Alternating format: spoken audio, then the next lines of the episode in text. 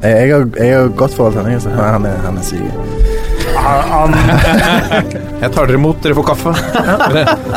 Nå mista jeg lyden i høretelefonene. Der kom de tilbake. Ja. Ja, det er hyggelig å være her. Jeg er glad i, i podkast som fenomen. Jeg må ut. hjemme mot Lyngen Karnes gikk de på et litt leit 0-19-tap eh, her. Hvilken det- divisjon snakker vi? Er det tredje eller fjerde? Fjerde, fjerde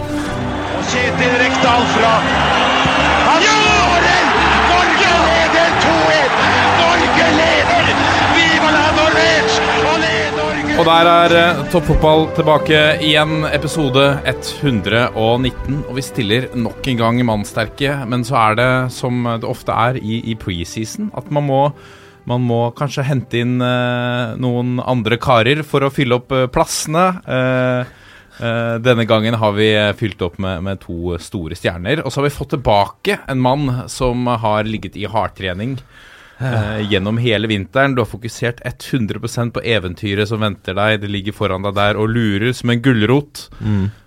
Lasse Wangstein, velkommen tilbake. Takk for det, Martin Ropstad. Det er veldig hyggelig å være tilbake igjen. Ja, Ja, At det endelig klaffa. For du har hatt en lang eh, juleferie. Ja, det ble en veldig lang juleferie av uh, forskjellige årsaker. Uh, mest av alt fordi at uh, jeg har en kone som har hatt veldig mye å gjøre på jobb, så jeg har slitt med å komme meg hit i tide til innspilling. Ja, ikke sant? Ja. Så Det sånn det. kuleste svaret hadde vært at du selvfølgelig ligger i hardtrening. Ja, det kuleste svaret hadde vært at jeg går så mye på ski at uh, jeg ikke har tid til å snakke, men det ville jeg jo prioritert foran trening. Ja. Ja. Men du er jo en ærlig mann.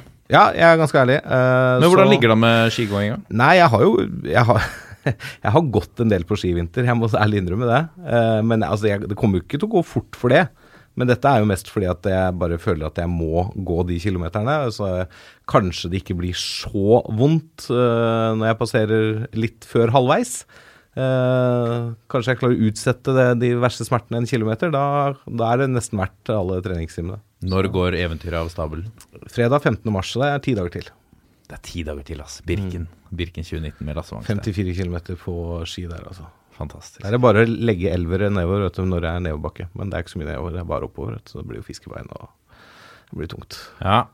Hvordan eh, Akkumulert 1150 høydemeter oppover. Ja, Altfor alt- mye. Ja. Alt for mye. Eh, hvordan, hva tenker du så langt om, om Vålerenga og innkjøpene? Er du happy? Er stallen lukket? ja det, hvis man skal tolke signalene fra Valle, så er det jo lukket, øh, klappet og klart for sesong. Uh, jeg er sånn midt på treet fornøyd. Jeg, jeg liker at de har henta erfaring. Litt mer voksne spillere som har vært med på litt før. Uh, Johan Lærde, Lærdre Bjørdal, solid stopper som har masse erfaring og veit hvordan det er å vinne serien i Norge. Uh, Matti Williamson det samme. solid uh, angrepsspiller som har vært med på å vinne ting.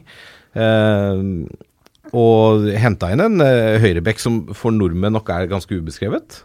Uh, og også for meg. Uh, men det er klart, hvis du har er det 39 landskamper for Mexico, så kan du ikke være helt naken, tenker jeg da. Men det er jo spennende å se åssen kampform han er i og sånne ting. Men uh, nei, jeg, jeg liker at det er henta litt grann mer erfaring, for det, det er kanskje det det skorta litt på. For det, uh, forskjellen på topp- og bunnivå til Vålerenga har jo ofte vært veldig, veldig stort. Og det er det jo gjerne Altså, unge spillere har jo gjerne en tendens til det å variere litt mer enn litt mer rutinerte, da. Så Ja. håper på litt mer stabilitet. Så jeg er sånn tålelig godt fornøyd og gleder meg jo til sesong. Uh, og så er jeg jeg er jo nervøs som alltid, da, for hvor om, om vi klarer denne syvendeplassen vår.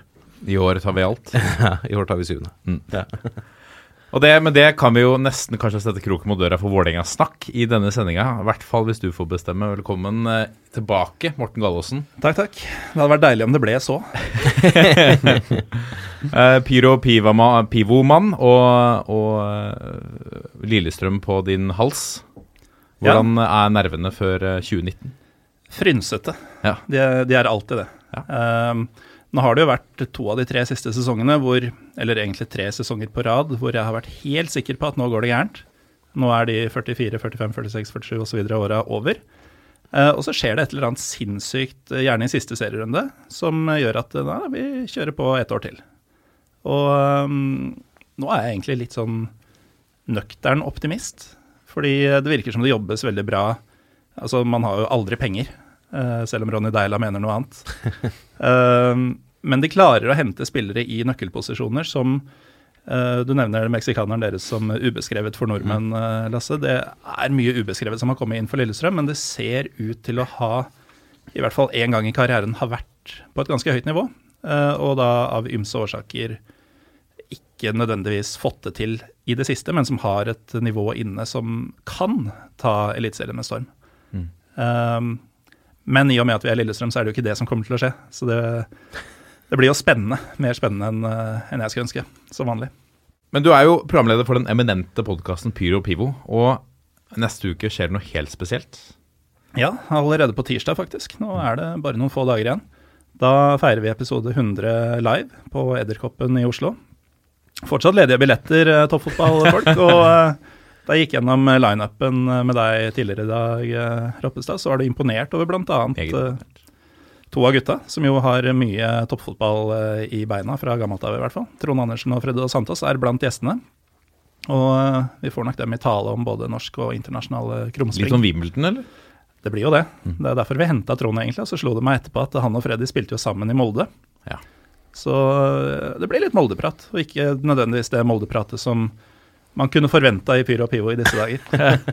Som har prega media det siste Eller i hvert fall sosiale medier. de siste Sosiale medier, Nettavisen og Josimar Ja, har det prega.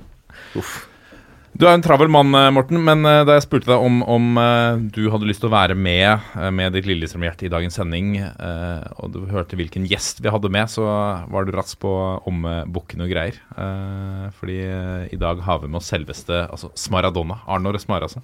Tenk det. Velkommen. Takk, tusen takk.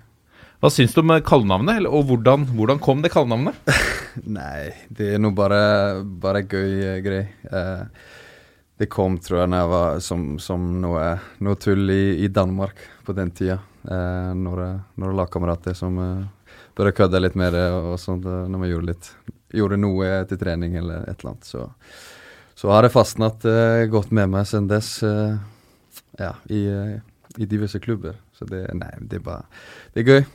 Men det henger ved deg i alle klubbene du har vært i etter SPR? Ja, det har gjort det faktisk.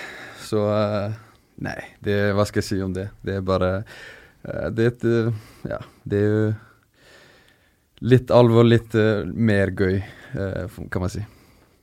Du kom jo til Lillestrøm midtveis i, i fjor, Um, i, en, i en tøff periode, som, som Morten har vært inne på også. Uh, leverte åtte målpoeng på 13 kamper. Fortell om, om eh, 2018-sesongen. Hvordan var det for deg? Ja, først og fremst så var det en veldig bra løsning for meg. Og, og, og når Jørgen Lennersen ringte, han var, han var da presis ny som trener i, i Lillestrøm. Og dere har hatt det tøft. Og jeg har også hatt en litt mindre periode i, eh, i Hammarby i Sverige.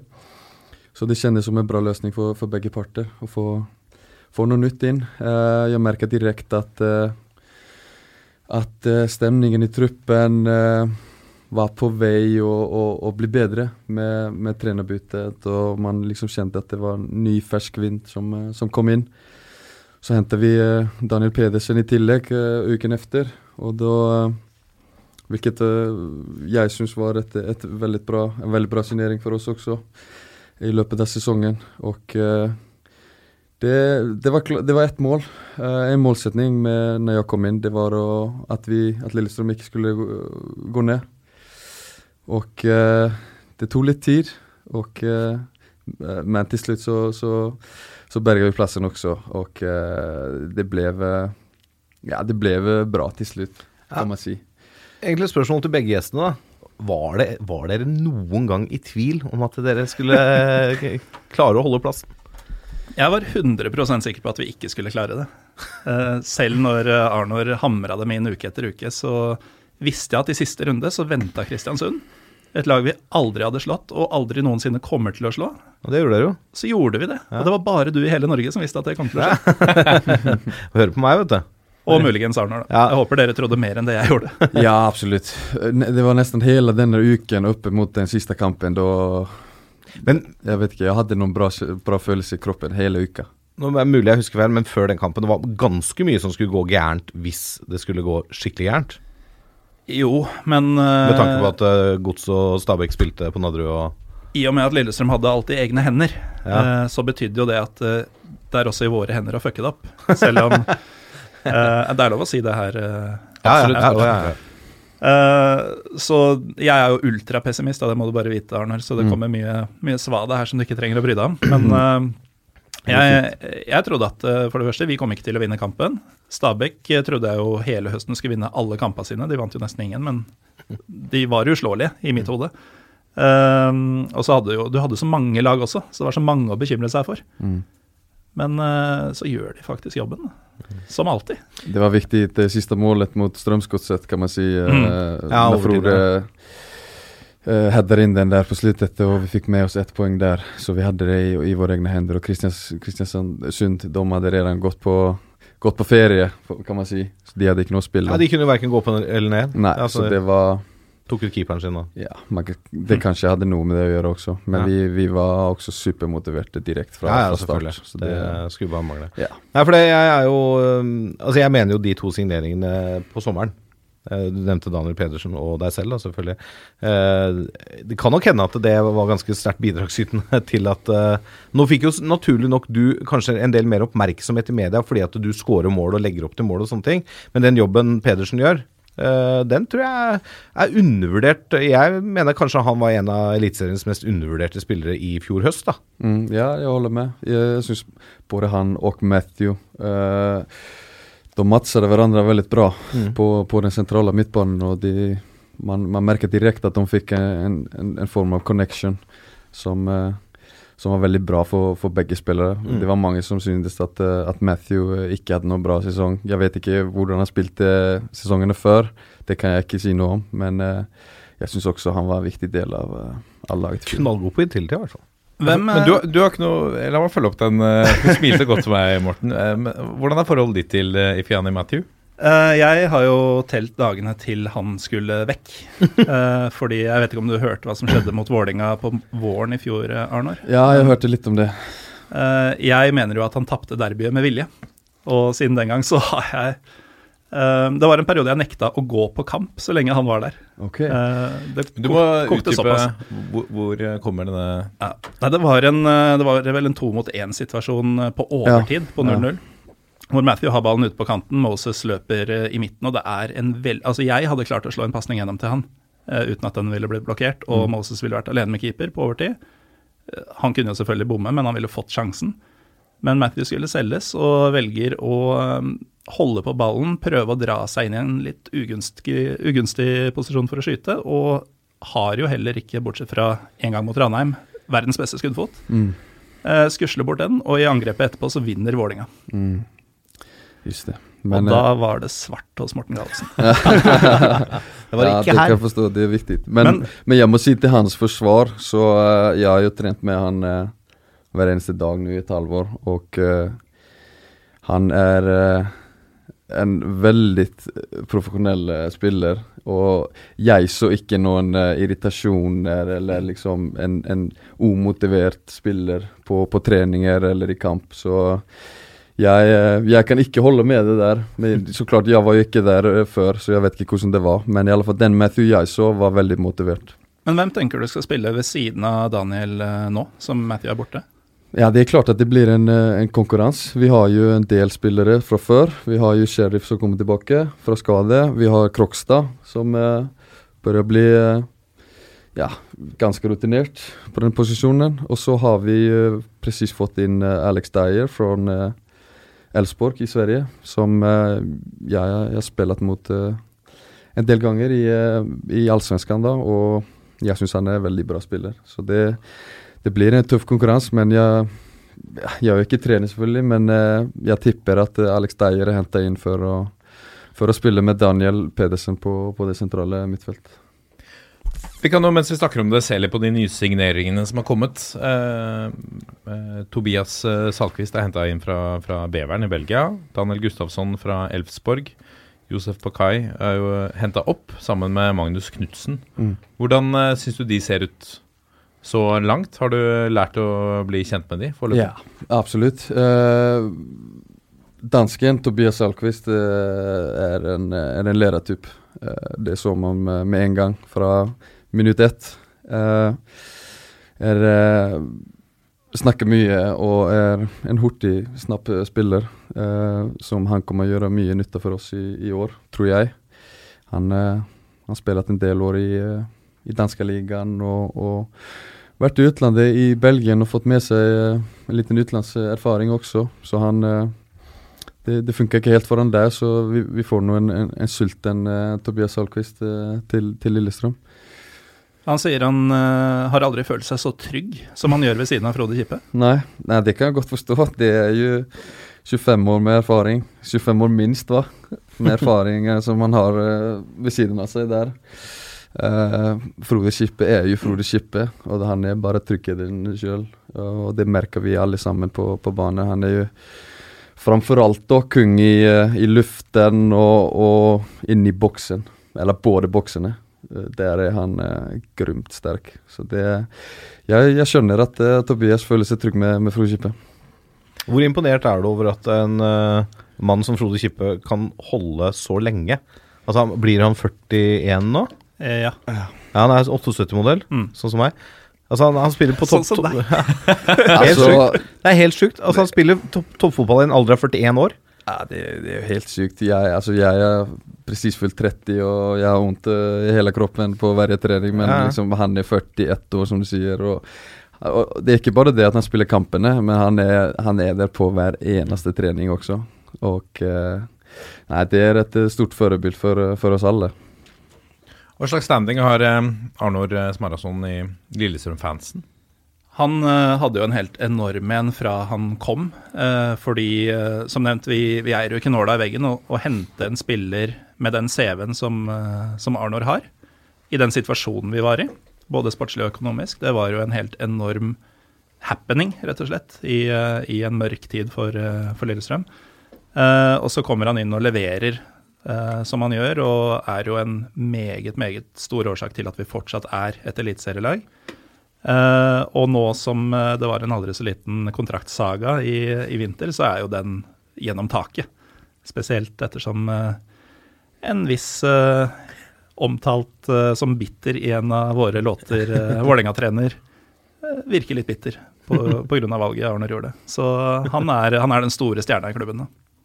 Ja, men altså, det er jo Altså, jeg kan forstå, uh, hvis jeg skal ikke ha på meg alle Vålerenga-brillene, da. uh, så jeg kan jo forstå at en trener i Eliteserien som tror man kanskje har en mulighet til å hente en spiller som Arnor, uh, føler at det er surt hvis det glipper. Og så forstår jeg også veldig godt at du da har behov for å komme med noen uttaler som, som høres bedre ut på Valle enn på Åråsen, da. Sånn ref de sitatene som kom fra Valle-hold eh, etter det ble klart at du signerte en ny kontrakt på Åråsen. Jeg var jo aldri eh, Altså, jeg, jeg, for meg hadde Jeg hadde jo elska det. At det, det hadde skjedd, sånn eh, personlig. Eh, Det hadde vært helt fantastisk å hente toppspilleren fra Lillestrøm til Vålerenga. Liksom, det, hadde vært helt nydelig, men jeg trodde jo aldri i livet at det kom til å skje. Altså Ikke i nærheten hadde jeg noe som helst tro på det underveis i den sagaen, som du kaller det. Men er du for etter den høsten i Lillestrøm, hvor det gikk veldig bra for deg, så ble jo kanskje det lagt merke til. Altså åtte målpoeng på 13 kamper, det er, eh, det er pen statistikk. Du fikk eh, Du sonderte markedet litt i utlandet. Mm. Hva var grunnen til at du ikke gikk eh, utenlands? Um, både Man kan si at uh, At de uh, uh, mulighetene som dukket opp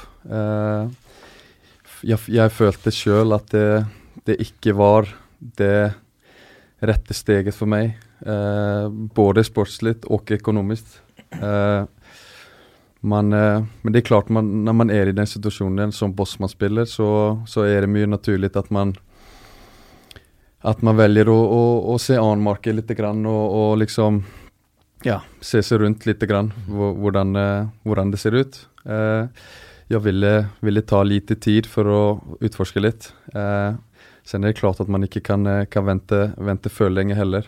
Eh, men eh, med det sagt så, så hadde jeg veldig, veldig god, gode måneder i Lillestrøm, og hvor jeg virkelig følte meg velkommen. Och eh, vi har en tränare som, som tror på mig och jag føler at jeg liksom vet min rolle i det här laget och, och, og ser potensialet i uh, denne klubben og det her laget. Og det Jeg tror at det var kanskje det som til slutt gjorde at jeg, at jeg valgte Lillestrøm igjen. Ja, for du signerte en, en toårskontrakt Ja. fordi at du, du ser at, at klubbens retning og utvikling, det, det var viktig for valget ditt, Ja. har du uttalt da. Ja, altså jeg, det sa jeg med en gang efter sesongen. At uh, jeg ville se an litt hva, hva klubben eh, skulle gjøre, hur, de skulle reagere på, på marknaden. Eh, hva liksom, hva klubben var på vei, og om de ville satsa litt grann på, på spillere og, og så videre. Så jeg ville også vente litt med det og se hva det var for spillere de hentet inn. Och det jag såg, eh, både med den här dansken Tobias och, eh, och svensken eh, Daniel Gustafsson som jag även känner fra, fra spill i Allsvenskan. Eh, det, det var et veldig tydelig signal for meg at, eh, att Lillestrøm mener alvor. Pluss plus det at jeg snakket med Daniel Pedersen at han skulle også forlenge sitt kontrakt med ytterligere ett år til. Fra, han hadde jo ett år kvar så det ble også to år da. Så med, med alle disse tingene så, eh, så syntes jeg at det var eh, det rette valget å ta, og, og bli i Lillestrøm og være med på denne reisen uh, oppåt i tabellen. Hva, har dere satt noen interne målsetning? Hva er, eh, hva er en akseptabel 2019-sesong eh, som du ser det for Lillestrøms del? Eh, jeg vil ikke stå her eller sitte her og, og snakke noen eh, plassering, men det er klart at vi har våre ambisjoner om å, å klatre oppåt i tabellen. Eh, Lillestrøm skal ikke være noen klubb som, som år etter år bare nøyer seg med å, å unngå å rykke ned. Uh, så det, det er klart at det blir første målsetning, å ikke komme ned i den uh, nedrykksstriden. Så uh, vi, vi satser på en bra start, og så, så tar vi det derifra. Men det er absolutt uh, 100 at vi har ambisjoner om å, om å klatre opp i tabellen. Du eh, også, Morten, Kanari-pessimist. Har du også signert en ny kontrakt eh, for, som supporter for 2019? Jeg er dessverre, holdt jeg på å si, på livstidskontrakt.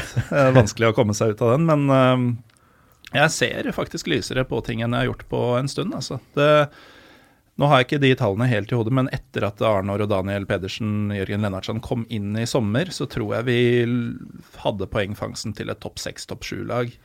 Eh, omtrent. Nå har vi disse gutta hele sesongen. Vi har, eh, uten at jeg noensinne har sett Tobias Alke spille, så er jeg ganske sikker på at det er en forsterka eh, posisjon i forhold til Marius Amundsen, som var der før. Når det gjelder de andre som har gått ut og inn, så kjenner ikke jeg Daniel Gustavsson like godt som det du gjør, Arnor, men han har en ganske bra CV fra Allsvenskan, som holder et minst like bra nivå som Eliteserien.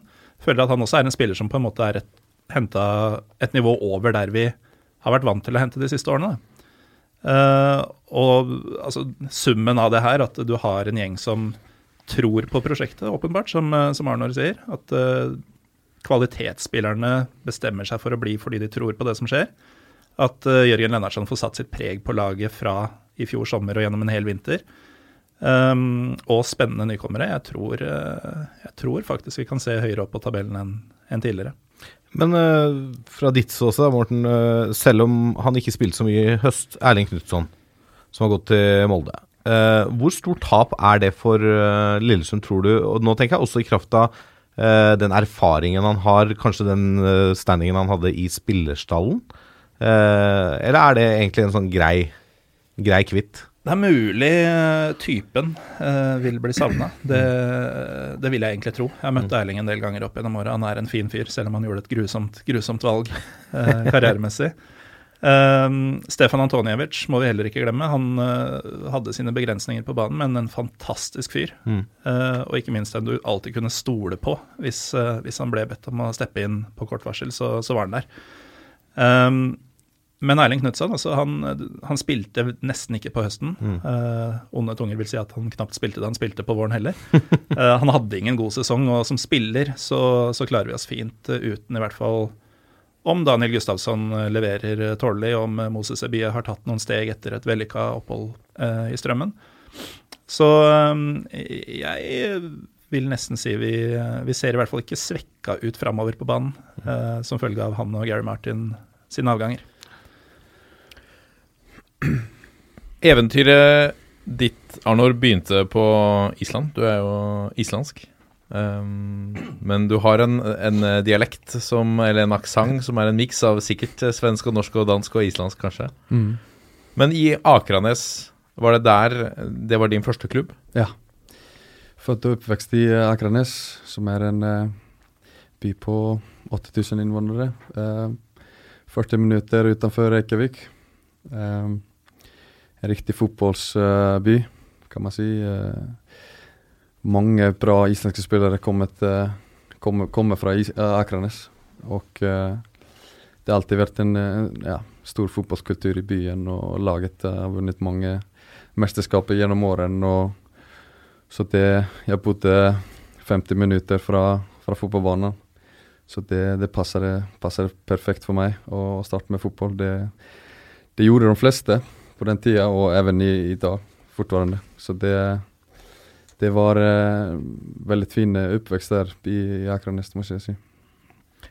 Hvordan er det annerledes å være ung fotballspiller, tror du, på Island eh, da du var eh, i, barndomsårene, kontra i dag? Er det Ja, noe som er annerledes? Forholdene er jo mye bedre i dag. Eh, da jeg vokste opp, så nå har, har vi en, en stor eh, innendørshall. I det, i, man tenker det, i, det lille, i den lille byen. Uh, så det er liksom det, det er bra forhold. Det er mange sånne kunstgressbaner uh, rundt byen og, og som ikke var før. Vi, uh, på vintrene så, så trente vi innendørs, altså sånn fotsal. Eller så var vi ute på, på grusplanen, og, og det Visse ganger også i, i snø, og, altså én meter snø, og liksom Det var Det var Det var tøft, men det var Vi, vi visste ikke noe annet. Så det var bare det vi gjorde. Så var det bare ut på Ut i snøen og, og liksom forsøke å spille fotball. Og det, det er litt annerledes i dag. De, de har det litt bedre innendørs på vinteren. Og, altså På sommeren er det jo fantastiske forhold, det er ikke noe å klage på. De fleste lagene i islandske ligaen spiller på gress fortfarande. Så det, på det settet har det, har det endret seg ganske mye. Men eh, mentaliteten på Island har alltid vært sånn at uh, for fotballspillere at du, du vil ta det neste steg. Du vil ikke bare spille i den islandske ligaen. Du vil liksom Du vil gå bort fra, fra øen og inn til, eh, til de større ligaene. Og det er liksom all, den mentaliteten man, man vokser opp med. At man skal, man skal videre. Men hva, hva tror du er grunnen til at øh, så mange islendinger velger å gå veien via Norge før de går ut i Europa? For det, det har jo vært veldig mange islendinger i norsk øh, eliteserie de siste 10-15 årene. Altså Én ting er jo at øh, norske klubber helt åpenbart øh, liker islendinger. For det mye, kanskje litt mentalitet man liker, og så er man litt på samme bølgelengde. Eh, men hva tror du er grunnen til at islandske spillere ser på Norge som et bra springbrett? da? Ja, jeg tror at det er et veldig bra første steg Ja. i, i karrieren for unge spillere. Og, og liksom at, at du ikke tar for stort steg direkte. Jeg tror at det har, eh, har mye å si. Og sen er det også Du har mange bra eksempel på at islandske spillere kommer til Norge og, og gjør det bra, og sen blir solgt videre, som, som du sier, som et springbrett. Så det, jeg tror det har eh, mye med det å gjøre. Ja, det tror jeg. Jeg ser for meg, når, når du snakker om eh, dårlige forhold og, og snø og sånne ting, så ser jeg for meg, også ser jeg for meg heiaropet som, dere- som Island hadde i, i sluttspillet. At, at kanskje den oppveksten med de vanskelige forholdene er med på å bygge den tøffe mentaliteten som ligger så innbarka i kulturen. Absolutt. Det er 100% at det har noe med det å gjøre. Det, vi har alltid, som, som islandsk spiller, så er du alltid nødt til å ha den her krigermentaliteten og, og liksom jobbe det igjennom og liksom komme det videre. Og, og i, ja, i, i solsken og, og i snø. Så det er liksom det, det har absolutt vært med å, å bidra til uh, de her resultatene som Island har gjort uh, de seneste årene. Det er 100 med. For, for nesten alle i, i, på det islandske landslaget nå, uh, de vokste opp før de, disse kunstgresshallene kom og, og, og så videre. Så det, det er 100 mye med det å gjøre. Men er du redd for at dere kan bli mist, at dere kan miste litt av den mentaliteten? At dere får det for godt? Det kan skje, det kan hende. Men jeg tror at vi får i, stedet for så får vi jo kanskje bedre tekniske fotballspillere i stedet for. Du ser den nye generasjonen nå med Arnold Sigurdsson som uh, spiller i CSKA Moskva nå. Uh, Albert Gudmundsson i Aset Alkmaar. Disse spillerne, unge, lovende, bra teknikk. Det, det er litt sånn Litt andre typer spillere som kommer opp nå, men de er, de er veldig bra, de òg. Så det er liksom Men, men jeg er enig med deg, vi, vi får ikke miste den der uh, mentaliteten. Når det står på som verst eh, og Lillestrøm taper kamper, så er det alltid noen grinebitere som forbanner LSK-hallen og savner den tida da vi trente om vinteren på grusen utafor Skedsmohallen. For å bygge opp samme mentalitet? Ja, de tenker at nå har spillerne det for godt, derfor taper vi. Det er noe enkelt, men veldig fint over det. Det er veldig fotballsupporter-tankegang. Veldig. Men jeg, jeg, jeg lærte en ting, eh, og det er fint å lære litt. Eh, Jeg ser jo her at du var jo i Molde som 15-åring. Mm.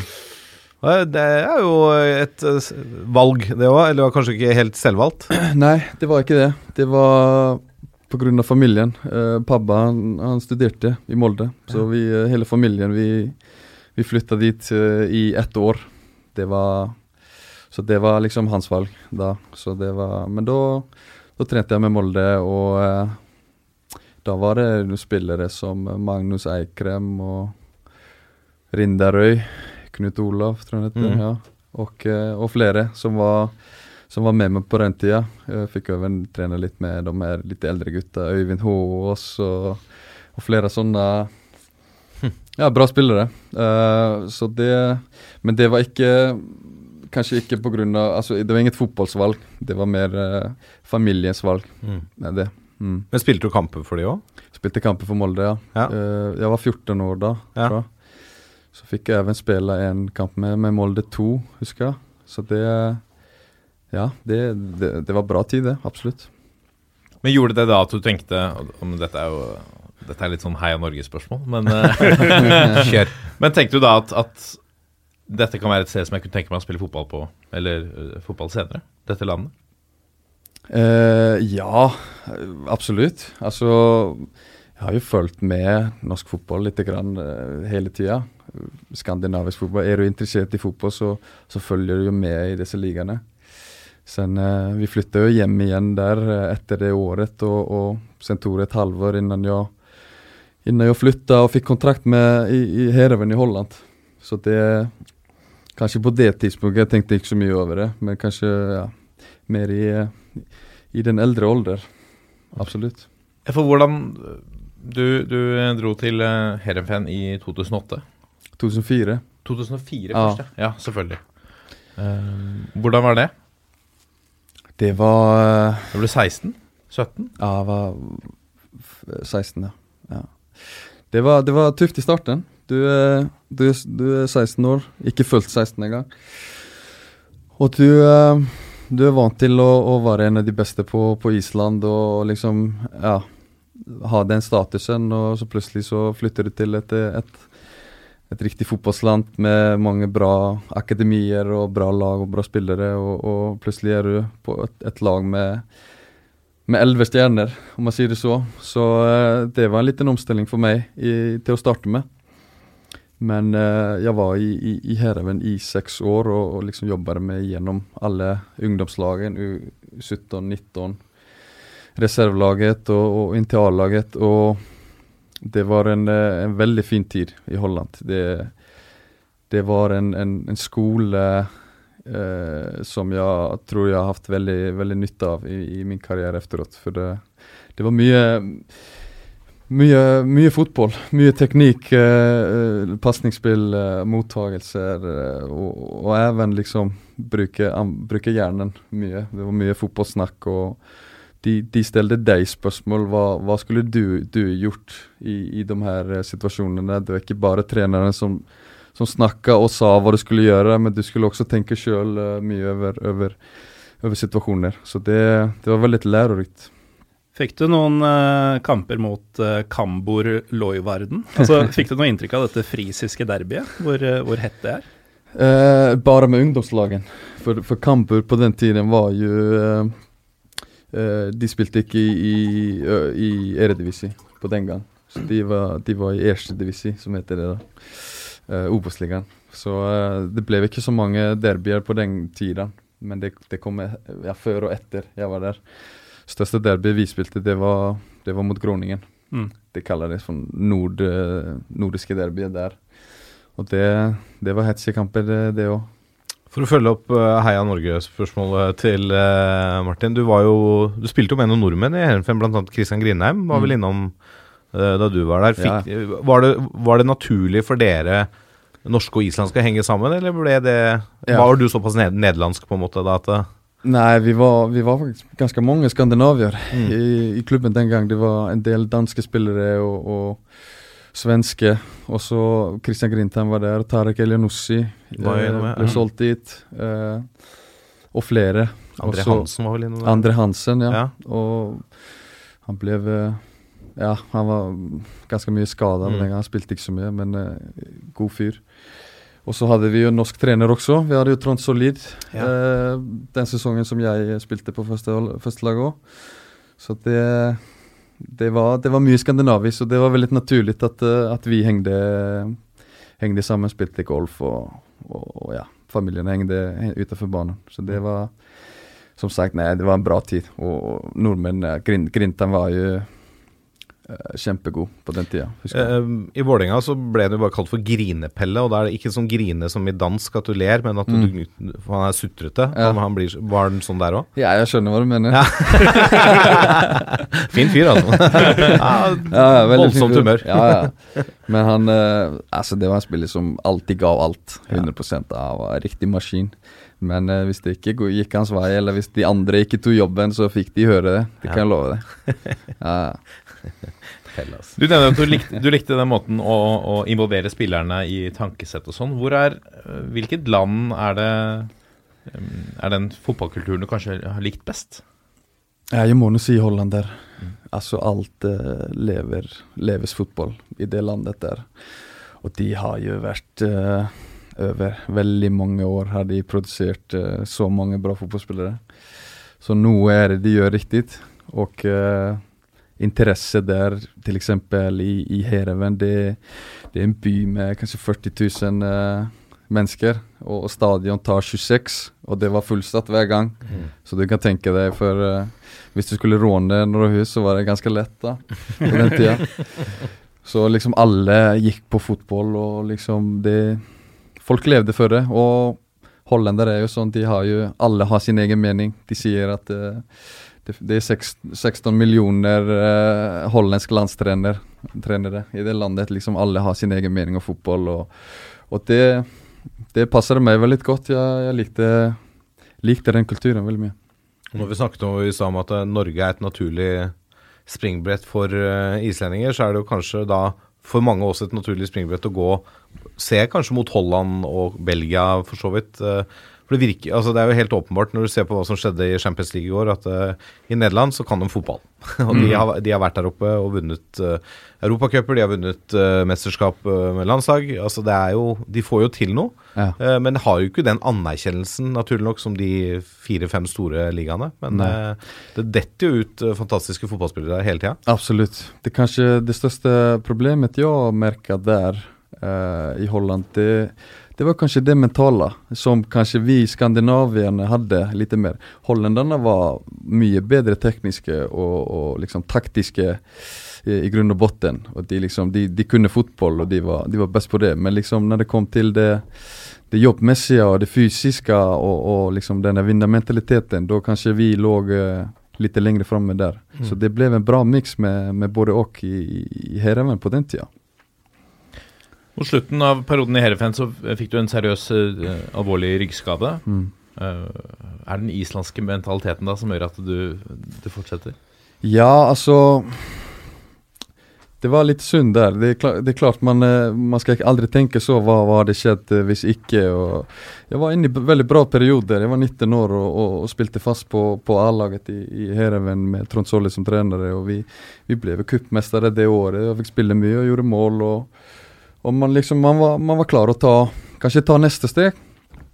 Og så starter vi ny sesong, og jeg får denne skaden direkte. Og, og det blir veldig, tar veldig lang tid å finne ut av hva presis det var.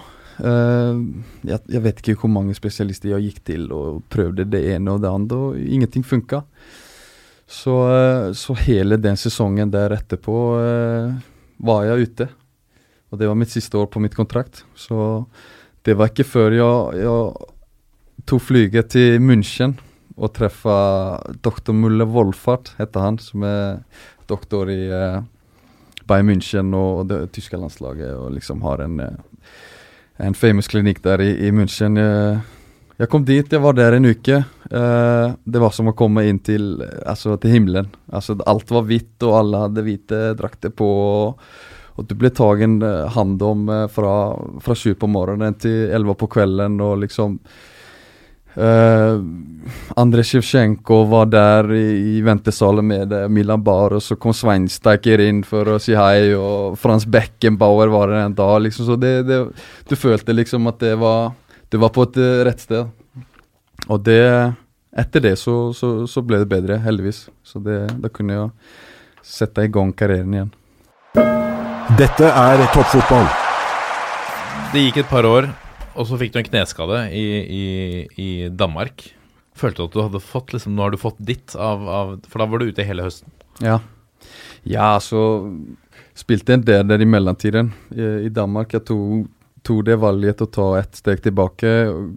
Komme til Skandinavia, til, til danskeligaen. Uh, når man har vært ute så lenge, så det bruker å ta litt tid for å komme tilbake igjen. Uh, og det, det, merker jeg spesielt uh, kanskje fysisk.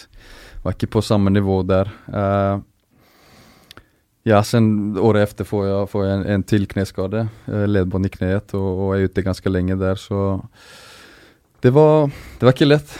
Det var tøffe tider. Som man sier liksom i, i, i medgang så behøver ikke tenke på noe, og livet leker, og liksom du gjør mål, og alt er bra, men i motgang så uh, Hvis du er skada og ikke kan spille og alt det der, det, det kan være tøffe perioder i, imellom. Så det Som fotballspiller så er det veldig mye opp og ned.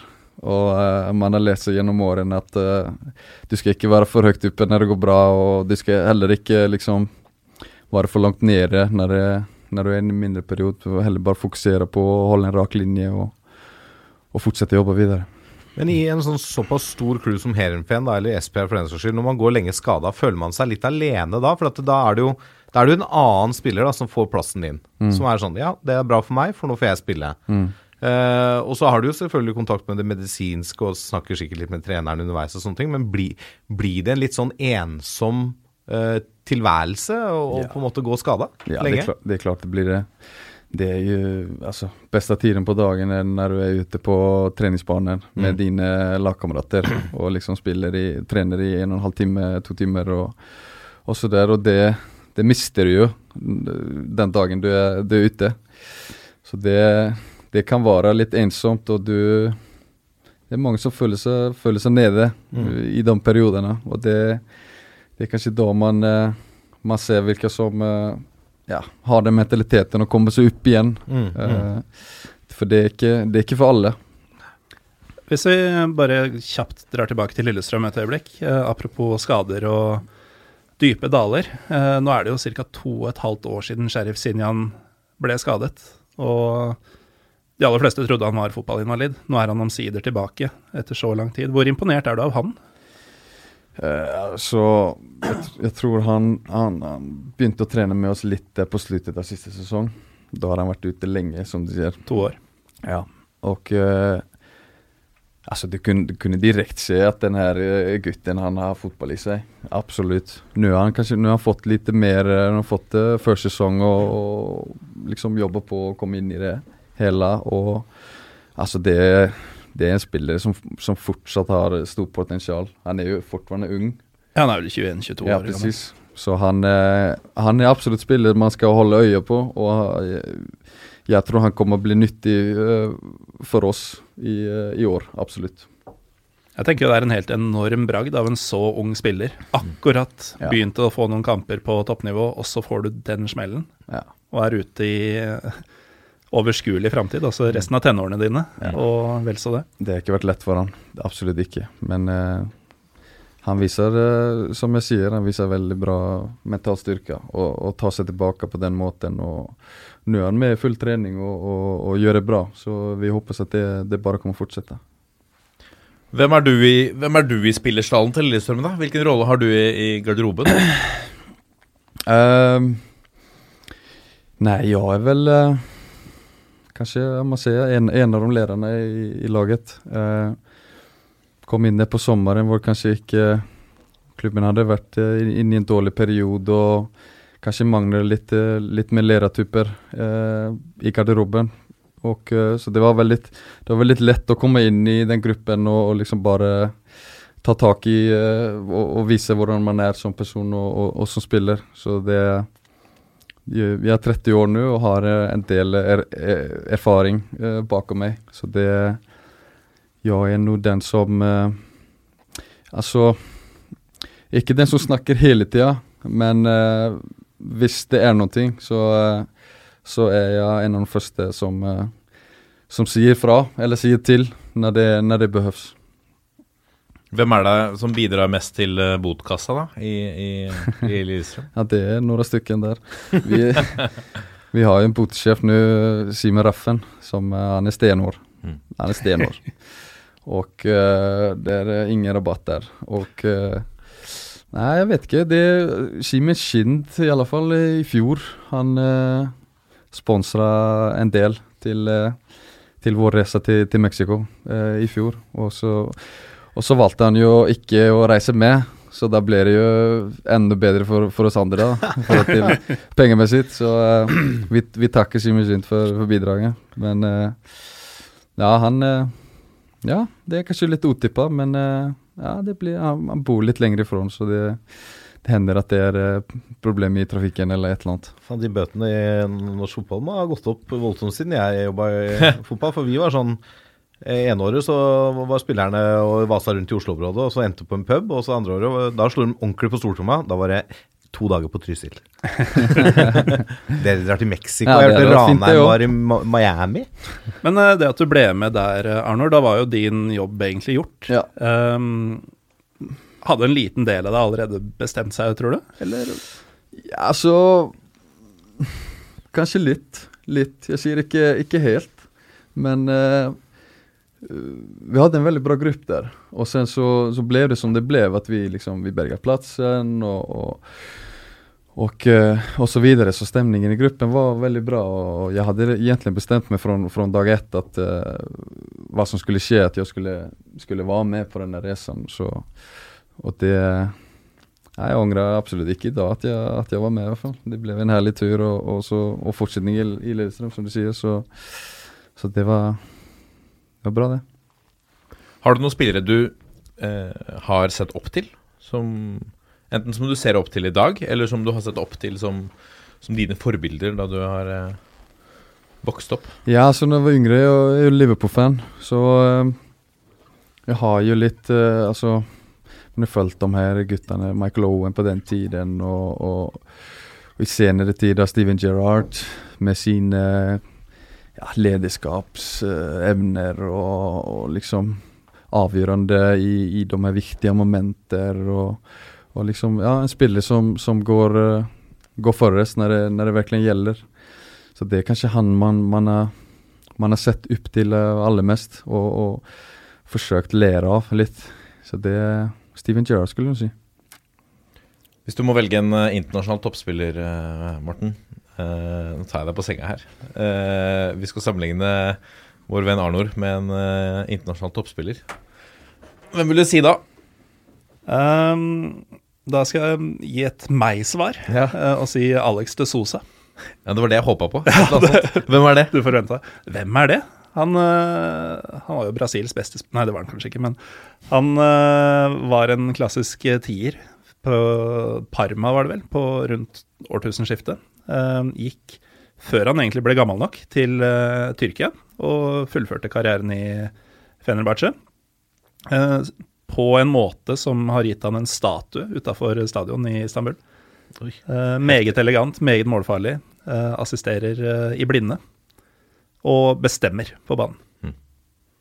En sjef. En sjef. Ja, bra skussmål, da. Ja, God referanse. Også på sparka, gitt. Nydelig. Ja, altså, nå skal Arnor hjem og YouTube. Ja, nå skal jeg og YouTube. Han veit jo godt hvem Ja, han er. Hvem er den beste spilleren du har møtt på banen da, i Eliteserien? Av motsp- motstanderen? I Eliteserien? Ja. Ja, altså det er jo mange bra spillere i Eliteserien.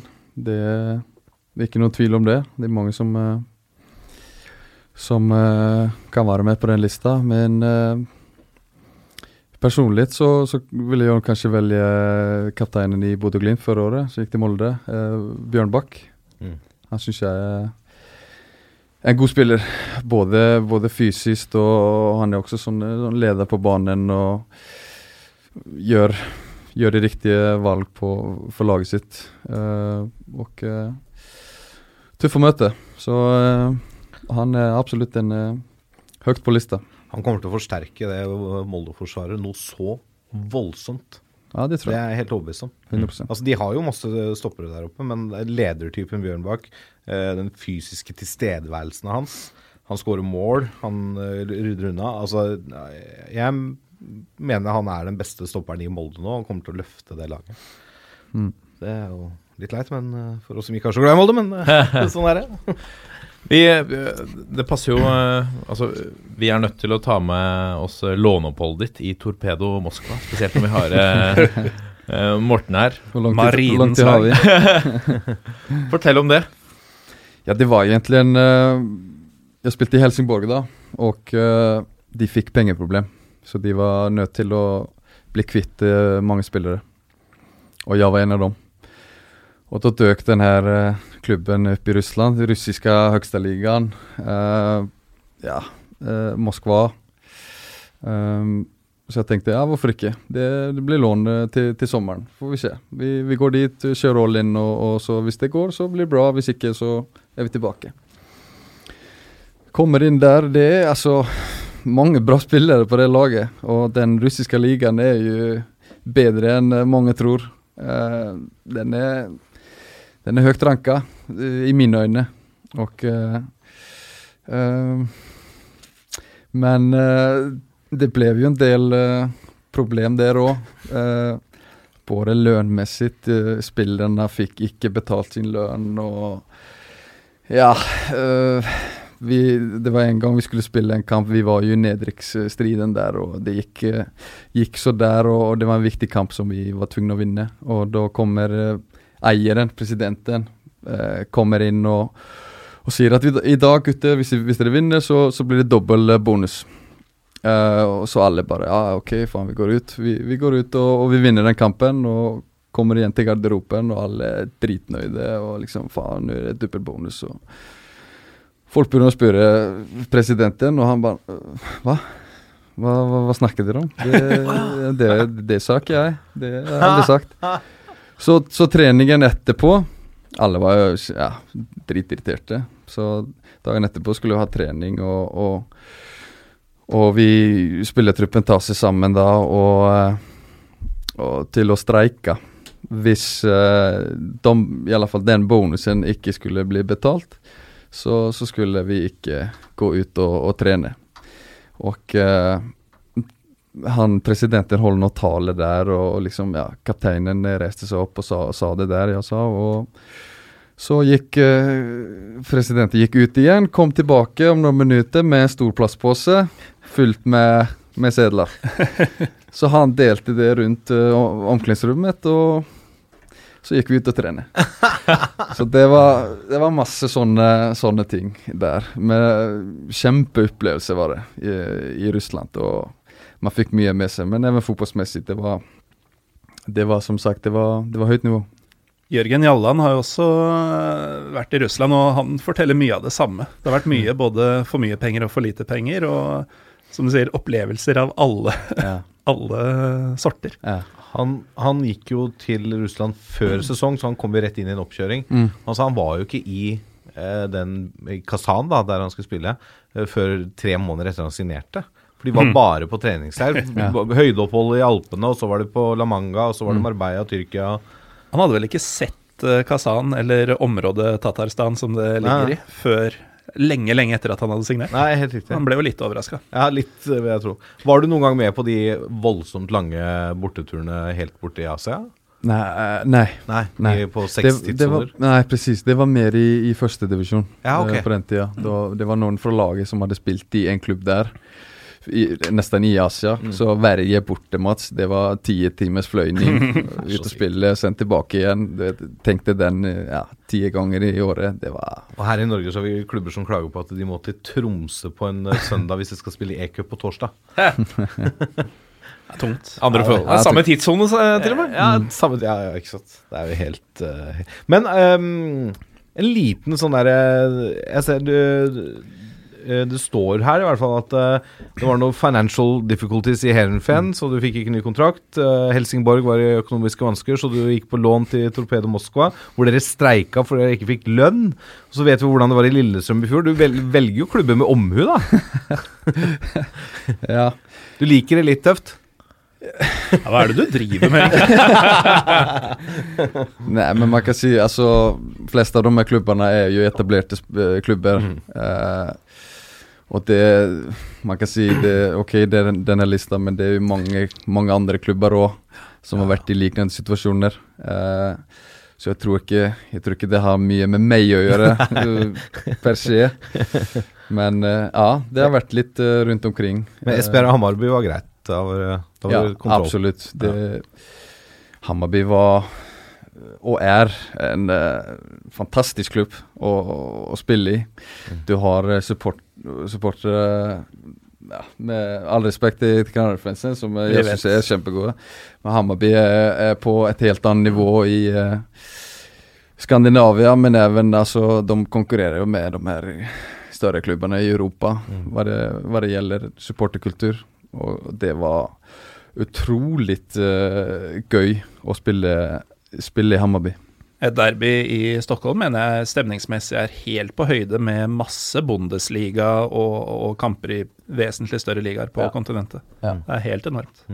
Det, noen, det er vel Hammarby-fans, det finnes noen YouTube-videoer av at de er og, og støtter opp rundt et eller annet syverlag i Hammarby eller et eller annet, med bluss og, og eh, det hele. Ja, ja. Det er liksom Hammarby-familien. Det, det er riktig familie. Altså, det, det er ikke bare fotball. Det er liksom det er håndball, det er bandy og ishockey. Og, og det er liksom det samme samme menneskene som eh, møter opp i uh, ulike sportene. Og det Ja, de, de lever virkelig for det, og det, det var det var eh, en, en, en veldig lærerik uh, lærerike år for meg som fotballspiller. Å- få være med på, på eh, sånne reiser. Og, og som du nevner, de her derbykampene. Det er jo en, en stor opplevelse i seg å, få være med på de. For det Jeg tror aldri jeg har spilt en eh, derbykamp som, som starta i tid.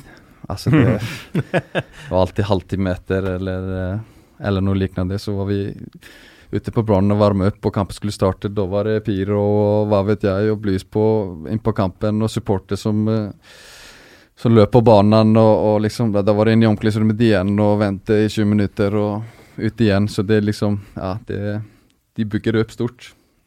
Merker du det som spiller, at det, er, det gir noe ek, altså du, du får litt ekstra tenning? At du kanskje klarer å løpe den eh, noen meter ekstra fordi at det er så trøkk på tribunen? Ja, det vil jeg si. Ja. Det vil jeg si. Så det påvirker deg? Ja, jeg tror alle fotballspillere I alle fall for, for, meg, for min del, altså. Jeg, jeg har alltid likt best å spille kamper der det, der det er noe på spill. Mm. Noe ekstra på spill. Det, det, er- det er sånne kamper jeg vil spille, i alle fall. Og det, jeg vet ikke om det er så for alle, men eh, du, du merker i alle fall at det, det er viktig å vinne denne kampene. Nå har du opplevd at, uh, ikke du selvfølgelig, for du er jo en jernmann, uh, men uh, at medspillere har hatt motsatt effekt? At de har gått ut i en sånn kamp og bare stivna? Eller ha, er den effekten av trøkket overvurdert? Det er svårt for meg å si. Altså, som sagt, jeg kan jo, jeg kan jo bare snakke for meg sjøl der. Man vet ikke hva, hva som foregår i, i andre spilleres hode eller, eller ben der. Men jeg, jeg har faktisk vært heldig, og i alle fall i, i Stockholm var, var heldig at det, at det gikk ganske bra eh, i de fleste derbykampene jeg, jeg spilte, både mot AIK og, og, og Djurgården. Så det var mange gode minner fra, fra disse kampene. Og, eh, så det, det er liksom det er minnet for, for livet. Det er minnet som du tar med deg.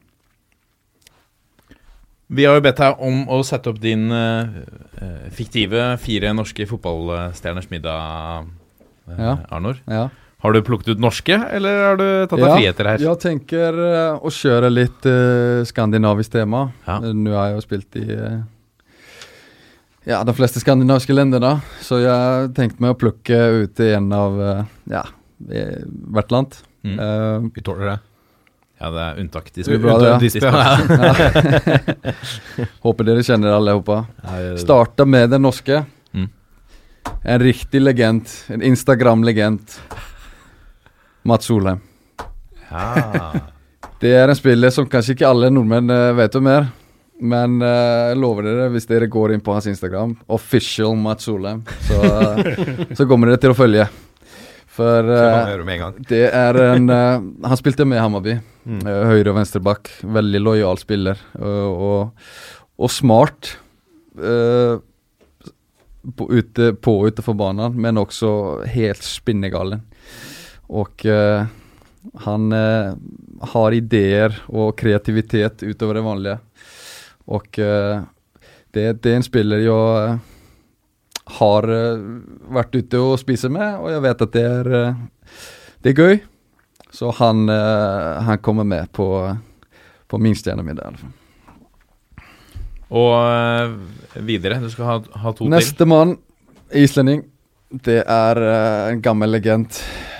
Herman Reidarsson heter han. Eh, han eh, er nå den spilleren i Premier League som har rykka ned flest ganger, med flest ulike lag òg.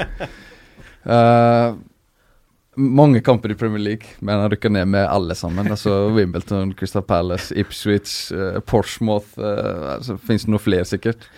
Han ble jo henta av Drillo, så har du uh, Drillo Drillo til Wimbledon, ja. ja. Da har du norske linken Ja, der. så stemmer det. Mm. Eksakt. Så husker man jo han som en ganske god Premier League-stopper. I hvert fall Ja, ja, Han var en sånn solid fyr, Absolutt. men uh, han rykka ned hele tiden, tydeligvis. Han kan ikke ha vært så jævla god. Veldig solid, men også en galning utenfor banen. Han, jeg husker når jeg kom på var unggutt og kom inn på landslaget i starten når han var etablert. og, og og da, da kunne vi være i matsalen, og jeg sto og tar mat fra buffet, og så kommer han bakifra og bare tar meg opp og slenger meg ned på gulvet, bare fra ingenstans. Og eh, på trening eh, Ballen er helt på andre sida av banen, så kommer han til meg og gir meg en uh, elboe midt i, i magen. Altså Det er sånn riktig gamle skolen, eh, kan man si.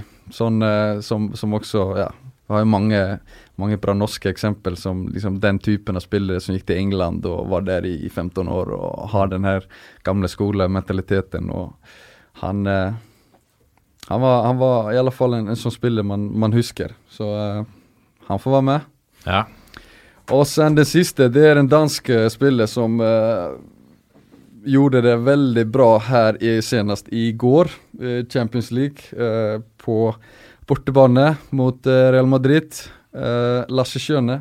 Fint navn, vet du. Det er eh, Jeg og Lasse Kjøne vi, vi bodde sammen første to årene i, uh, i Hereven. Han var også en ung gutt eh, og kom til Hereven i, i ung alder, og vi bodde sammen hos en eh, hollandsk familie. Første to årene der. Og eh, veldig kul å, å, å se en sånn spiller eh, ja, bli eh, etablert spiller i, i, Ajax og, og, liksom og, og det målet han gjør i, i går. Altså det er jo Det er jo så klasse. Helt fantastisk. Så, så i og med at han gjorde det denne uken, så, så, og det var lenge siden jeg snakka med han, så, så vil jeg gjerne bjude han med også og, og, og snakke litt gode minner, og framfor alt uh, målet på, på Bernabeu også. Fantastisk. Er, er, du en, eh, er du en god kokk, da? Hva ville du laget til disse herrene? ja, jeg vil si at jeg er en ok kokk. Jeg sier ikke at jeg lager uh, stjernemiddag hver dag der hjemme. Jeg har en eh, en kjæreste fra, fra Sverige, Jeanette. Hun, eh, hun er med meg her. Hun, eh, vi, eh, vi deler litt på det, for å si det sånn. Men eh, det blir nå noe form av noe ja, italiensk. eh, litt pasta, litt kjøttbuller, eh, kanskje noen god, eh, god tomatosaus uh, ovenpå. Uh, ja, noe sånt. Høres ikke feil ut, det. Nei, nei. Det- Du hadde kjøpt det hvis du jobba i Hvem er det som eh, produserer dette greiene? si det. Og ikke minst TV en, Norge. Ja. en god flaske rødvin også, for disse ja, tre guttene de er alle glad i uh, et glass eller to. Så det, det har vært hyggelig, det. Ingen råtten hai på menyen.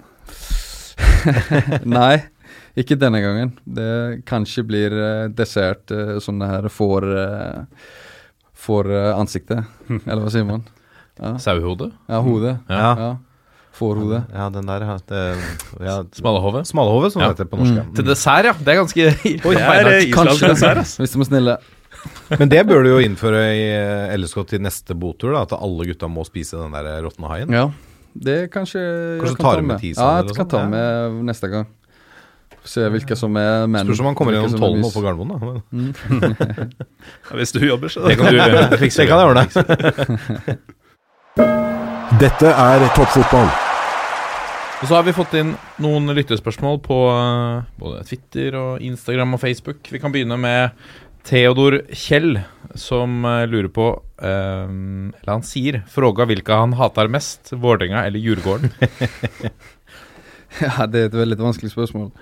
Eh, det er både ikke mine favorittklubber, for å si det sånn. For å si det mildt. uh, nei, altså Jeg var jo lengre tid Jeg har vært lengre tid i, i Hammarby og spilt flere Flere derby mot Djurgården. Så akkurat nå så er det vel dem. Uh, men uh, jeg tror at med, med tida så kommer det svaret endre seg ganske fort. Skulle bare mangle. Så er det Sindre Taule Sandstå som uh, sier først og fremst må jeg takke deg, Arnor, for at du gjorde det så bra i fjor på Fantasy-laget. Bør jeg velge deg i år? Ja, absolutt. uh, jeg så jeg fikk noen eh, melding på, på Twitter i går at uh, de nye prisene er kommet ut. Og koster bare 9 millioner, så det er vel ganske billig. Så det, det blir- Bargain. Så det er bare å, å fyre på. Absolutt. For det er klart jeg har mine ambisjoner for, for i år, og jeg syns vi, ser- vi ser bra ut. Så det Selvfølgelig sier jeg at du skal ta med i år òg. Spilte du Fantasy i fjor? Nei. Kan i hvert fall love deg at han er triple captain på meg da, når uh, Lillesund møter Vålerenga. triple captain der, altså. Men kommer du til å love mål mot Vålerenga? I år? Ja, du til å lo Kan du love meg at du scorer mot Vålerenga? Ja, jeg kommer til å skåre mot Vålerenga. Han går i Gary Martin-fella, altså. Det liker jeg. Ja, men Arnor spiller fotball. Ja, det er sant. Benjamin Sears ehm, eh, vil eh, også gjerne at du skal love Lillestrøm-fans at det blir en kjedelig sesong midt på tabellen. For det er det de vil ha. Det å kunne dra på kamp uten å være nervøs. For at det enten er nedrykk eller ha et håp om medalje. Vær så god. Ja, øh, Det er et bra spørsmål. Altså. det er veldig bra spørsmål. Det er så romersk. Altså. Ja. Ja. altså, jeg syns jo Altså, det er jo kjedelig å ikke ha noen nerver alls på en fotballkamp. Selvfølgelig så sikter vi jo på den øvre delen i nervøsiteten, det er klart. Men uh, en kjedelig sesong, det, det Vi får se hva det blir. Altså Når vi våre mål, så, så kan det lett bli kjedelig. Men eh, altså Vi har sagt at vi, vi, vi skal unnvike denne nedrykksstriden, i alle fall. Så det Vi får vel se, helt enkelt. Men uh, som sagt, fotball, det skal være Det skal leve. Det skal være noe på spill. Det skal være litt nervøsitet. Uh, og liksom Ja. Det skal, det, skal, det skal kjennes. Så det, det Fotball er aldri kjedelig. Altså, jeg skjønner veldig godt hvor det spørsmålet kommer fra. Ja, eh, som supporter. Men jeg er jo helt enig. Altså, det er mye mer gøy når det er noe som står på spill. Og det, faktisk, selv om der og da, når man er i en sånn nedrykkskamp, så er det jo helt jævlig. Men hvis det går bra, så er det jo helt fantastisk. Altså, det er mye gøyere å holde seg eller å vinne en kvalik enn å ta bronse. Altså, helt ærlig, det er jo det. Enn å ta bronse Ja, det mener jeg. på en Altså. europaplass. Eller sånn. fjerdeplass, da. Men eh, Morten. Morisbakk eh, har jo sagt i dette studioet at eh, han syns at den sesongen hvor de holdt plassen til slutt, var større enn da de tok bronse. Fordi det var den lettelsen og den eh, feiringen etterpå. Den, den bronsen var jo egentlig bare en skuffelse over at de ikke tok sølv. så, så jeg kan forstå det. Men, men det er fristende vi i, i, i det syvende divisjonslaget, som nå har blitt et bedriftslag, Ørn Christiania, så, så var, hadde, vi en sesong vi var helt overlegne. Og da spekulerte vi litt i om vi skulle ta Ta en, en kamp, en ubetydnings Altså en kamp som ikke betydde noe, og bare sjøfle kortene og trekke plasser. uh, og det, Oi, du ble keeper, liksom? Uh, ja, ja, denne gangen så bare se for deg en, en ubetyd, altså betydningsløs kamp for Lillestrøm hvor du har Smarason på venstre bekk, Frode Kippe høyre kant. Uh, da, Ja, men da har du jo flopasningen. Ja, det, er det kommer sant. til å da kommer. Ja, men da kan man bruke det, ikke sant. Så kanskje det viser seg at han kommer til å fortsette å spille det. Ja, ikke sant? Gjøre noen sånne ting for å spice opp litt mot slutten av sesongen. Hva tenker du om det? Ja, det har vært veldig gøy. Det, det er klart. Det, det, det spicer ut, det, som du sier. Ja, ja. Spille inn det til det Lennartson. Ta det med deg. Ja, Om vi er i en situasjon eh, på den tiden av året hvor vi har råd, eller hvor Lillestrøm har råd til å, til å gjøre det, så gjerne for meg, altså. Ja. Det, det betyr at vi har klart oss. Tenk deg det mediestyret det kommer til å bli hvis eh, Lillestrøm liksom ligger an til en sjuendeplass og jeg kan verken gå opp eller ned i siste kamp og bare sjøfler alle korta og tar den siste kampen ikke på alvor og møter et lag som kanskje har litt å spille for. Tenk deg det kaoset det blir for medieansvarlig og treneren på Håråsen da. Men jeg kan garantere det det, det hadde vært gøy, jeg er enig. Men jeg kan garantere at hvis det er en betydningsfull kamp for ett av lagene, så hadde det aldri skjedd. Nei, det er sant. Ja. Men enig. Ja. Vegard Nummerstad er, eh, tror jeg også er LSK på sin hals. Han eh, lurer på de største forskjellene på LSK 2018 og, og LSK i 2019. Da kan jo begge svare. Arnor først. Ja. Jeg vil mene at vi er blitt litt bedre uh, med boll. Vi uh, uh, Hva jeg har hørt, så Før som kom, så har det vært litt mer fokus på, på litt lengre boll og, og fysikk og, og, og, så- og så videre. Uh, Sen kommer Lennartson inn i, i den situasjonen eh, laget befant seg i, med at liksom unngå nedrykk og alt det der, så man kanskje ikke kunne fokusere like mye på, på, på bra fotball, utan mer på resultatfotball. Uh, Nå har vi haft uh, noen måneder på oss og, og, og, og framförallt han, Jørgen, og, og setter sin uh, preger på laget. Og uh, jeg ser uh, forbedring i, i vårt passningsspill og posisjonsspill framfor alt. Det det nivået blir bedre og bedre for, for hver trening, og vi, vi legger også mye fokus på det. Så uh, det er uh, det er gøy å være det laget som har bollen i, i disse øvningene, og ikke så gøy hvis du skal jage. Mm. Så det, og det er den kvaliteten vi strever efter å få i, i dette laget. Med, med bedre, både bedre kanskje pasningsspillere og, eh, og liksom kunne, kunne styre kampene litt bedre. Så det, der er vi absolutt eh, bedre enn i fjor, vil jeg si. Har du sett mye treninger og treningskamper, Morten? Eh, jeg har ikke det, så jeg har eh, egentlig bare følelsen og spillerlogistikken eh, å gå på. Jeg var jo litt innom det tidlig, at det er mye spennende nye spillere. Også dette med at Jørgen Lennartson nå har fått litt tid til å sette sitt preg på laget, som, som Arnor sier også. Det var det kjentes ikke sånn da, fordi det sto så mye på spill og man var så stressa, men det var jo faktisk en ganske bra høst for Lillestrøm poengmessig. Så man går egentlig Man går ikke inn med et cupgull som man gjorde før forrige sesong, men man går inn med en eh, følelse av at laget kan spille fotball. Eh, og så har man, ifølge meg i hvert fall, blitt kvitt noen som man gjerne skulle bli kvitt. Uh, vet ikke all verden som de nye, men hører gode skussmål fra, fra Arnor, og har jo søkt litt på internett og, og sånn. Uh, det er litt eh, Altså, på denne tida i fjor så hadde man vunnet cupen og, og klart seg med en, eh, en stamme som jeg før sesongen ikke trodde hadde sjans i 2017-sesongen. Eh, Holdt plass med en sånn grei margin da. Men man hadde Arne Erlandsen, og mange tenkte litt at han hadde maksa ut potensialet i, i den gjengen som var, med sin måte å spille fotball på. Viste seg fort å stemme, kan man si nå med fasit i hånd. Uh, Jørgen Lennartson står for en mye mer hva skal vi si, utviklende fotball, og spillertroppen vi har nå ser ut som en gjeng fotballspillere i større grad enn det eh, Lillestrøm stabla på beina i, fem, i mars i fjor. I mine øyne. Ja, for Erlandsen er vel er en vi, vi snakket jo om det i dette studiet også, at når de sto til som verst med, med Lillestrøm i eh, fjor høst Det er jo det perfekte tidspunktet. Det var da man pleide å hente inn Erlandsen. Ja. Det er da man henter Erlandsen. Men da man brukte han opp, er han en type som er den perfekte redningsmannen? Enkle, eh, enkle grep eh, som kan funke på kort sikt, men, men så blir han litt avslørt hvis man skal gjøre det til en hel sesong? Kanskje i hvert fall nå. Uh, han hadde jo sju sesonger som Lillestrøm-trener forrige gang, så da, da holdt han jo over tid. Uh, varierende resultater på sett og vis, men det var jo gjerne øvre halvdel i hvert fall. Én medalje og en haug med sjuendeplasser, var det vel. Hans måte å spille fotball på, eh, og uten sammenligning for øvrig, Mourinhos måte å tenke fotball på Man ser jo at eh, de som var gode på veldig spesifikke, litt halvprimitive ting for 10-15 år siden, får ikke til det samme i disse dager. Og så tror jeg det er litt lett at et sånt eh, Altså evig eie kunne tåle rykte. At eh, det setter seg litt hos eh, folk, da. Altså Tom Nordli var jo veldig lenge kjent som en uh, evig redningsmann. Han kunne komme inn med åtte kamper igjen og redde en klubb fra nedrykk ved å trykke på noen enkle knapper og være en god motivator. Men altså Tom Nordli er jo mye mer enn det som fotballtrener også.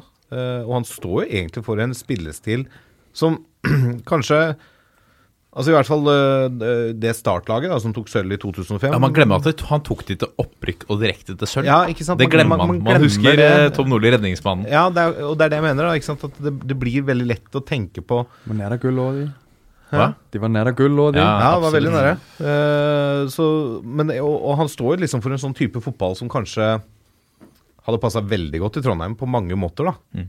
Eh, hvis du ser litt eh, på hvordan Rosenborg ønsker å spille, egentlig. Han eh, var jo ikke så langt unna den jobben der heller, på et tidspunkt. Nei, han var ikke det. Så Nei, det, det er lett at det setter seg litt sånn feilaktige tanker om hvordan en trener er, da. Og så er det jo opp til hver enkelt trener selvfølgelig å utvikle måten man skal spille på.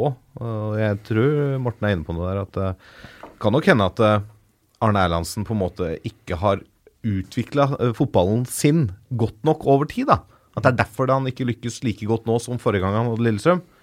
Mens eh, trenere som evner å gjøre små justeringer underveis og følge litt med hvordan fotballen også utvikler seg, de klarer å holde det jevnt over tid. Som er en av de tingene som folk peker på at det kanskje er grunnen til at Mjøndalen nå med Vegard Hansen faktisk kommer til å holde seg, ikke rykke rett ned som de gjorde.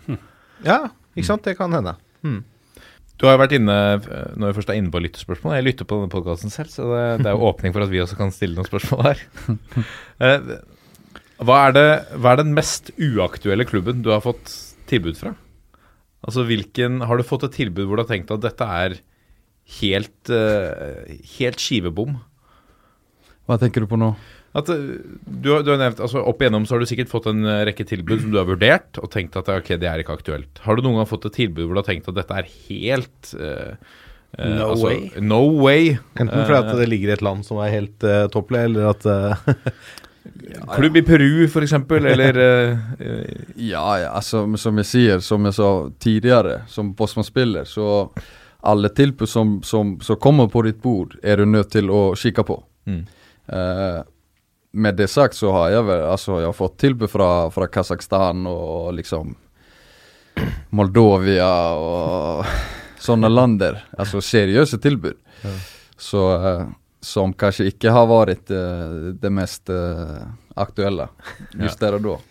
Men Arnor, kanskje du skal spørre Roppestad om han har noen erfaring med å gi uaktuelle tilbud til noen spillere? Ja, har du det? Nå er jeg spent. ja, det, det er jo Men denne historien har jeg tatt i denne podkasten før. Men, men med mitt kjære Ørn Kristiania, Ja. som vi startet i syvende divisjon, så på slutt, siste dag i overgangsvinduet, så uh, Dette er vel i 2014, kanskje? 13? Så, så sendte vi av gårde et, et tilbud til, til David Beckham. uh, da var han Bossmann-spiller. Ja. uh, og sendte av gårde et, et tilbud hvor han fikk en gratis bag, en pin til å ha på dressjakka, drakt nummer syv. Og, eh, og en, men han måtte betale medlemskontingent på 2500, for det er likt for alle. Fikk dere svar? Nei, vi fikk ikke svar. Men vi fikk eh, presseoppslag i eh, 60 aviser i 13 land. Blant annet om tyrkisk. Tyrkisk avis Bogun, eller Bog, Bogun. Bogun, ja. ja. I dag. I dag, ja. Ja.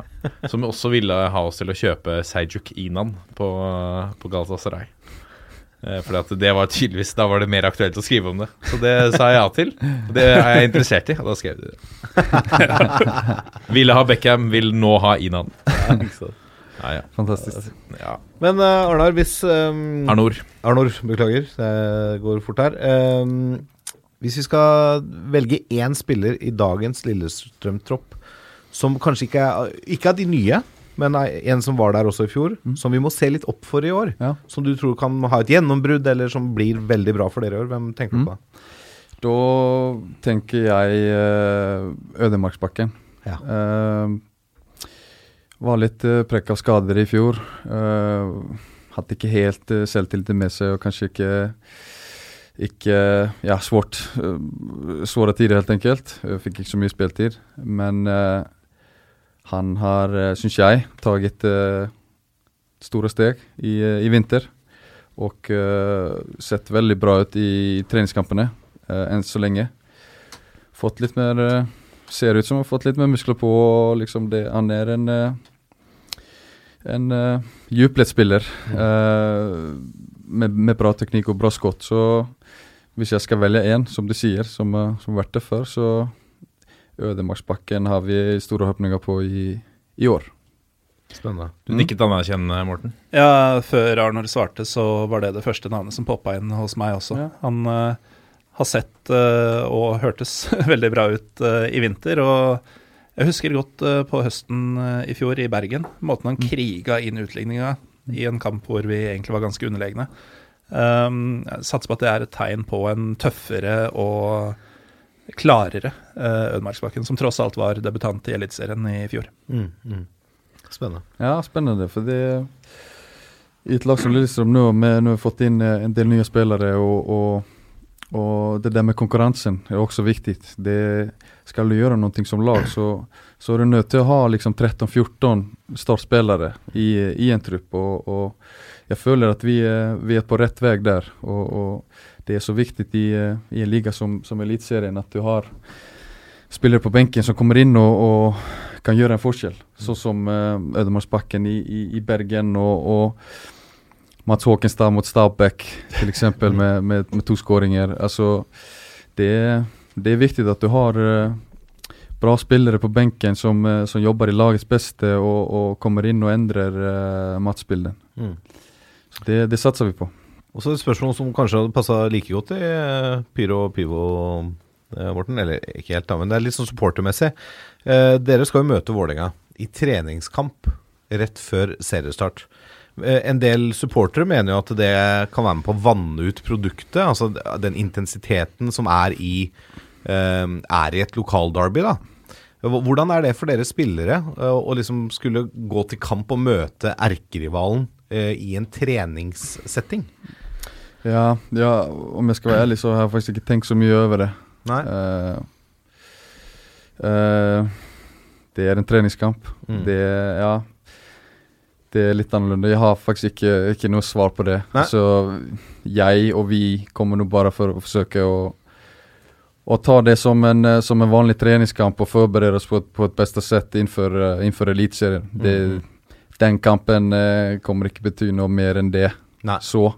Sen eh, er det klart at det er helt andre forutsetninger når eh, Eliteserien drar i gang. Når det handler om penger. Ja. Kommer du til å stille opp der med bluss og, og skarptrommel, jeg si? Jeg kommer til å holde meg hjemme den dagen. Jeg skjønner godt at spillerne ikke tenker i de baner. De vil ha konkurransedyktige motstandere i treningskampene og så best mulig matching, og, og er profesjonelle på at en motstander er en motstander. Klubbene har jo selv satt opp dette med viten og vilje, holdt jeg på å si. Eh, Så det er jo først og fremst vi som eventuelt ville komme på kamp, som, eh, som hisser oss opp eh, over dette. Og Men kanskje det gir en treningskamp som kanskje er litt daff, vanligvis gir det et litt ekstra gir, så det blir litt mer seriøst? Tror Altså muligens på banen, men eh, det kommer ikke til å kjennes noe særlig på tribunen, sånn jeg har tolka signalene fra både Vålinga og Lillestrøms eh, leirer. Um, og det er jo først og fremst eh, Altså, kampene på banen vil alltid, alltid være som de er, eh, uavhengig om man har møtt hverandre i en treningskamp i tillegg. Det er vel mer det at supportermessig, tilskuermessig, så vil man ikke at dette skal være en happening som skjer oftere enn at det faktisk blir en happening, da. Og det er det det, det er det vi reagerer på. Ja. Ja. Det blir, eh, det blir siste ord, det. Rett og slett. Eh, Arnor Smarason, tusen hjertelig takk for at du kom. Takk skal du. Lykke til eh, i eh, 2019-sesongen. Tusen takk. Til deg også, Morten. Lykke til i 2019-sesongen. Takk det samme. Håper du på en plass midt på tabellen, eller eh, vil du ha litt spenning i topp eller bunn? Drømmen er eh, å bøffe sjuendeplassen til Vålerenga. Lasse Vagstein, vi ses igjen eh, snart.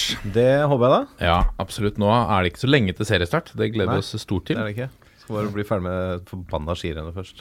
Ja, det er sant. Det gleder vi også oss eh, mye til. Vi er eh, Toppfotball på Facebook, Twitter og Instagram. Gå gjerne inn og rate oss på iTunes også. Da blir vi veldig glad. Eller Jeg har hørt mail. at folk driver ber om fem stjerner. Så Å ja, det kan vi gi oss fem stjerner, da. Gi oss fem stjerner, da. Hvis du liker det du hører. Så, så, så blir vi veldig happy. Ja. Eller send en mail på toppfotballat451.no. Så må vi avslutte på sedvanlig vis. Nå er det tre måneder siden, Basse. Få se om du husker det. eh, På 1, 2, 3. Vi er en gjeng! Ha det!